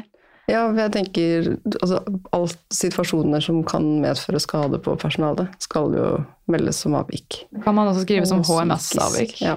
Mm. Så Jeg tenker at det tilfellet vi leste opp her, da, det er noe man burde tatt opp med leder, og i hvert fall skrevet et avvik på. ja. Og så skjønner jeg hvis noen tenker sånn, jeg orker ikke å skrive avvik på alt som skjer meg, for det skjer meg hele tiden, men da kan man kanskje si fra til verneombud, så kan noen andre ta den kampen for deg. Det bør de i hvert fall gjøre. ja. Det er klart når med en gang pasienter kommer dit at de de begynner å kaste ting på deg. Det kan være farlig, Da jeg Det kan være ganske stygt. Ja. Ja. Vi drar på neste, da. Primært kommentarer fra eldre pasienter både på institusjon og hjemmesykepleien som ytrer kommentarer om kollegaer med annen etnisitet eller utseende. Spesielt hvis kollegaen snakker norsk med litt utenlandsk aksent. Gjerne ufine kommentarer om utseende, intelligens eller språkbruk. Spesielt når det er klage på at de ikke snakker norsk, blir jeg litt oppgitt fordi det er snakk om kollegene mine, og jeg snakker med de hver dag selv og forstår dem helt fint. Når det er sagt, så opplever jeg også mange eldre som er begeistret og takknemlige, og det er stor variasjon fra pasient til pasient. Det er litt viktig å få fram da, at de fleste pasienter er jo ikke rasister eller ufine. De aller fleste er jo bare kjempe, kjempe, kjempetakknemlige for å i det hele tatt få hjelp. Ja. Jeg må jo si at jeg har jo Bestefaren min er eh, snart 90 Ja. og bor hjemme og har hjemmesykepleie. Eh, Og noe av det han syns er hyggelig, så han har vært sjømann og seila over hele verden omtrent. Eh, Og han elsker jo når det kommer folk hjem til ham fra forskjellige steder, eh, og spørre dem hvor de er fra, og ja, snakke om ulike land. og Kanskje han har vært der sjøl, ofte så har han jo det. Eh, Og han syns jo det er kjempegøy. Ikke sant? Når man spør om folk kommer fra, så er det ikke nødvendigvis bare fordi man vil plassere det, men det kan hende man da plutselig har noe til felles, noe man kan snakke om, bli mer kjent. Ja. Så, så, så det er jo ikke helt sånn For for ham så er jo det en type måte å liksom vise interesse ikke sant, for de som kommer. Eh, og så er det jo klart at hvis han er den tiende pasienten den dagen som stiller det spørsmålet, så blir du kanskje sliten av det, men igjen kanskje man har litt eh, høyere terskel for å akseptere sånt enn eh, fra en pasient på 90 enn man har fra noen eh, som er 30, en kollega. Man bare må gå med skilt. Hei, jeg heter det, jeg har røtter fra det landet. Slipper noen å spørre. Det var en lege gang, jeg bare spurte hva hun het. Det var det eneste jeg spurte, hun sa hei, jeg heter det, og jeg er fra Kenya. Jeg bare, Å ja, jeg spurte ikke om det, men da, da vet jeg det. Og noen er jo veldig stolte Ja, ja, ja. Av, eh, av opprinnelseslandet sitt, og snakker jo gjerne om det. Mm. Um, men ja, litt sånn tid og sted og Så er det jo litt sånn, ja, måten man gjør det på, måten man spør om, er det med begeistring, eller er det, spør man på en nedlatende måte? Er det en skepsis i det? Ja, Eller er det en genuin nysgjerrighet? Det tror jeg folk merker forskjell på. Ja, Det håper jeg det gjør. Skal vi se her, da. Dessverre, min opplevelse er at ikke bare mot de som kommer fra Asia eller Afrika, men også vi som kommer fra andre land i Europa som også er hvite. Pasienter og kollegaer er det enda verre, fordi de ser ned til oss som B-sykepleiere, prikk, prikk, prikk. Man må vise hele tiden at man kan jobben sin. Ok, så det her, Jeg mistenker at dette kanskje er fra noen som er fra Øst-Europa, da. Man ser ut som deg og meg, men så prater man kanskje litt annerledes, ikke sant. Og så kan man også få den der 'kan du egentlig jobben din'? Mm. Så må man hele tiden ja, som jeg sier, bevise, både for liksom, kolleger og studenter, at man er like god, da. Det må være vondt. Og det der er jo en litt sånn eh, pussig greie. Den at man, at man setter et eller annet slags likhetstegn mellom språk eh, og hvilket språk man konverserer på der og da, eh, og intelligens. Ikke sant? Fagkunnskap. Eh, den personen som snakker litt grann utydelig norsk med meg, eh, snakker kanskje på sitt fjerde språk, ikke sant. Og jeg snakker på mitt morsmål. Selvfølgelig er vi ikke på samme nivå språklig, men forstår vi hverandre, så spiller jo ikke det noen rolle. Eh, og om man snakker litt Altså, jeg er ganske brukbar i engelsk, men jeg føler jo fortsatt at jeg virker mindre intelligent når jeg snakker engelsk. Ja, selv, jeg kunne ikke stått og holdt undervisning for folk på engelsk. Jeg hadde, hørt, jeg hadde sikkert hørtes mindre intelligent ut da, faktisk. Men man vet jo på en måte innerst inne at jeg er jo ikke mindre intelligent på engelsk enn jeg er på norsk. Det bare høres sånn ut. Mm. Um, men den sitter så sterkt i folk, da, den der tankegangen om at hvis du ikke snakker perfekt norsk, sånn dum, som meg, liksom? så er du litt mindre intelligent enn meg. Ja. Men fagkunnskapen kan jo være minst like bra, ikke sant. Um, og den tror jeg nok mange kjenner på rundt omkring. Den der at man på en måte blir sett litt ned på, og sett, snakka til som om man er litt dum. Og så er det egentlig bare eh, aksent. Her kan folk gå litt inn i seg selv. Jeg håper mange hører på denne episoden her. Se her, da. Jeg har opplevd både mot meg, som ikke er norsk, som for eksempel du hører ikke til Eller kan du lese? Store bokstaver, jeg klarer ikke å lese. Eh, Som for eksempel at du hører ikke ja, De hører at du ikke er norsk.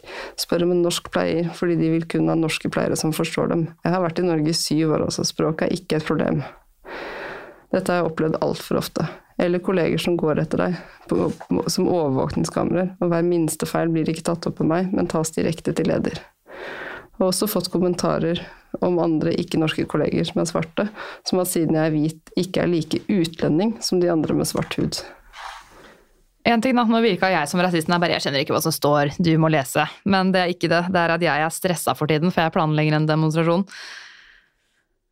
Men ja, er det konkurranse utlendinger dem imellom om hvem som har det verst? Det blir litt rart at vi skal svare på det, men er det noe du har lagt merke til? Jeg tror nok at Hva skal jeg si altså, Utlendinger, ikke-etnisk norske, hvordan man velger å uh, se på det. Ja. Uh, det er jo ikke en, en ensartet gruppe. Ikke sant? Det, jo, det omfatter jo alle som er født og oppvokst her, med utenlandskfødte foreldre. Eh, det omfatter de som er adoptert, og som dermed ser veldig fremmede ut, selv om de ikke kjenner til noe annet enn her. Eh, Det gjelder de som har kommet hit som små barn, som tenåringer, som voksne. eh, Kanskje tatt hele utdannelsen sin i et annet land eh, og flyttet hit for to år siden. Altså, det er et så stort spenn, da, og også i hvor man er fra, at jeg tror det er fryktelig naivt å tro at de har samme opplevelsen, alle sammen. Og jeg tror også det varierer mye med hvor du bor hen. Jeg tror det er lettere på mange måter å være um, hva skal man si Jeg tror det er lettere å være mørk og jobbe som helsesykepleier i, på en skole i Groruddalen enn å være mørk og jobbe um, i hjemmesykepleien uh, på bygda et eller annet sted. Altså, Ja. Det er noe med hvem du møter, det er noe med hvem som er eh, din, dine, hvem du skal ta vare på, og hvem den sammenhengen for øvrig som du bor i og, og lever i. Eh, og hvor fremmed man leses som. Så er det jo ikke noe sånn fasitsvar på hvem som har det verst, og så er det jo veldig forskjellig fra person til person hvor mye man lar det virke inn på seg. Så jeg tenker at det den som opplever noe, er jo alltid fasiten på seg selv, og hvordan man har det. Man kan jo ikke si noe om at det jeg sitter og kjenner på min kropp, er verre enn det du kjenner på, fordi du er fra et lysere land enn meg, for eksempel. Mm. Det er jo alltid den enkelte personen som er fasit på sin historie. Ja. Så tror jeg at det i veldig mange tilfeller kan ha mye å si uh, hvordan man har det selv. Uh, liksom alt fra dagsform til eh, ja, hvordan livet er generelt for tiden. Da. Eh, man har jo opplevd selv at hvis det er eh, at man har sykdom i nær familie, f.eks., Eh, eller man har vært syk selv, sliter med smerter og kanskje har vært delvis sykemeldt, og så kommer du på jobb og møter en ubehagelig situasjon. Så kan det være at man håndterer den mye dårligere enn om man ikke hadde hatt et sykt nært familiemedlem og man hadde vært syk selv etc. Så det er noe med liksom graden av motstandskraft man har i seg også, i ta med seg inn i disse situasjonene.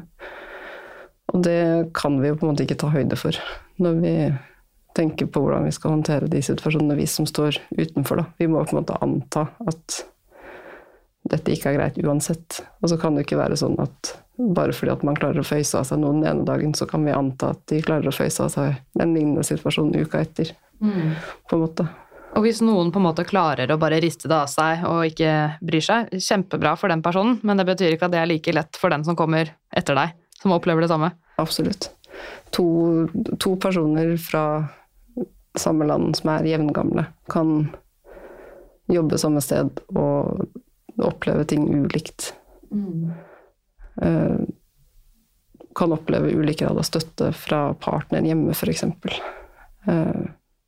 Og så hva med, altså kommentarer da, som man får. Noen kan le av det og tenke det var gøy å bli kalt for f.eks. negerdronning, da, mens andre kan synes at det var jævlig frekt og sykt unødvendig. Så det er på en måte veldig sånn Jeg syns det er en unødvendig kommentar å si uansett, men det er så, det er så forskjellig åssen man takler ting, da, med alt her i livet. Ja, og hvordan man eh, reagerer på ting har jo også en del å si i situasjonen. Altså man, trekker man seg bare unna? Klarer man å si fra? Eh, klarer man, kan man gå tilbake og si fra etterpå? Eh, har jo også en del å si, for hvis man opplever at man, at man klarer å si fra, så føles jo situasjonene lettere å håndtere enn om man bare lukker seg inn i det, ikke sant. I hvert fall så er det sånn for meg at hvis jeg føler at jeg på en måte har eh, kraft nok i meg til å si fra, eh, så er det lettere å gå inn i en situasjon. Eh, fordi jeg vet at hvis jeg er utsatt for noe, så kan jeg si fra. Og så tenker jeg at hvis man ikke klarer å si fra med en gang, så er det helt greit å si fra seinere på dagen at du, det du sa til meg tidligere da, det syns jeg egentlig ikke var greit. Eller neste uke, hvis det er en kommentar fra en kollega, f.eks.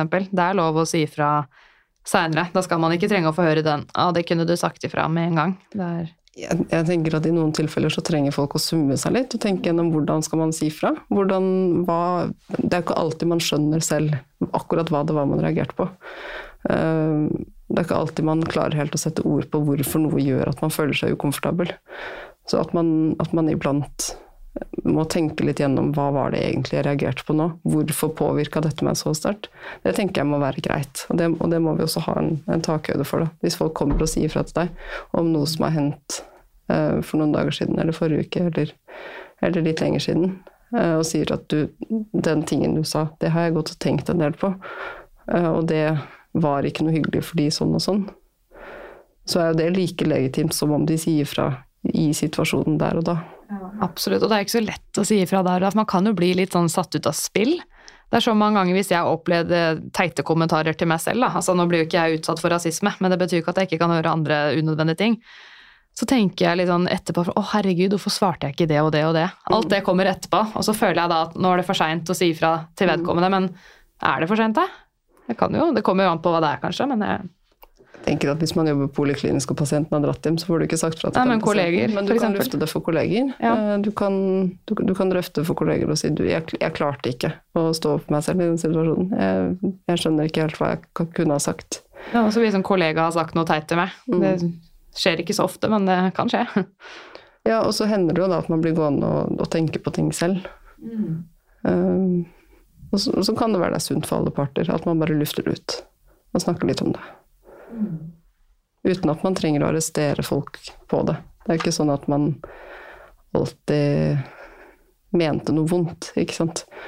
I en del tilfeller så er det jo bare at folk ikke vet, rett og slett.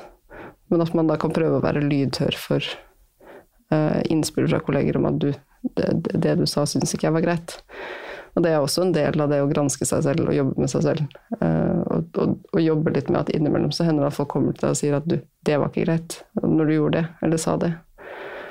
Og, og da må man på en måte være voksen nok og moden nok til å ta det inn over seg og si at jeg er ikke feilfri, jeg heller, men takk for at du sier fra, og jeg skal oppføre meg annerledes neste gang. Det er viktig at du sier at man faktisk da ikke blir sur, da, hvis noen prøver å, å rette litt på deg. At man faktisk kan gå inn i seg selv at dæven, det der trengte jeg å få høre. Fordi alle kan jo alltids jobbe med seg selv og egne fordommer eller holdninger. Jeg bare lurer litt på hvor mange flere sånne caser vi rekker.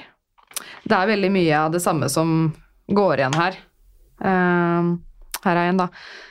Jeg har opplevd også i begynnelsen som man ikke er så flink med språket. Arbeidsdagene kunne man gå helt alene uten å få hjelp, uten at noen snakket med meg. Jeg kom med forslag om behandling til en pasient og ble fullstendig ignorert fordi du kan ingenting, din utdannelse er ikke bra nok. Mm. Så sier personen det er veldig bra du tar opp dette, det er kjempeviktig for å få frem i media at dette må bremses. Mm. Ja. Så det gjenspeiler jo på en måte de funnene som du har vist fra din bacheloroppgave.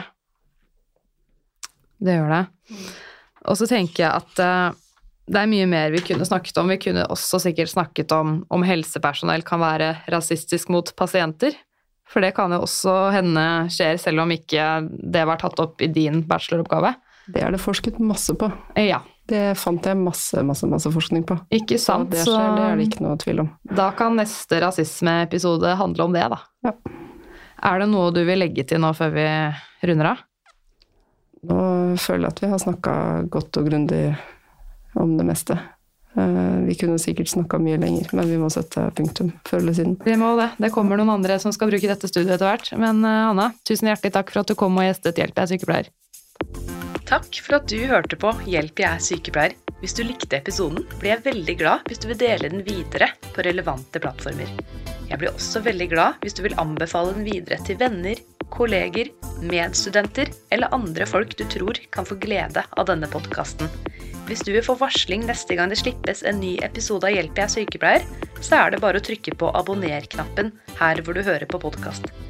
Hvis du vil komme med ønsker for podden, eller gi meg tips eller tilbakemeldinger, eller bare følge meg og mitt podkasteventyr, så er du hjertelig velkommen til å følge Hjelp jeg er sykepleier på Instagram. Hjelp jeg er sykepleier er også på Facebook, men det er på Instagram det er desidert mest aktivitet. Der har du også mulighet til å stille spørsmål til Q&A til fremtidige gjester av podden. Du kan også sende meg en mail, og mailadressen til Hjelp jeg er sykepleier står beskrevet i hver episodebeskrivelse.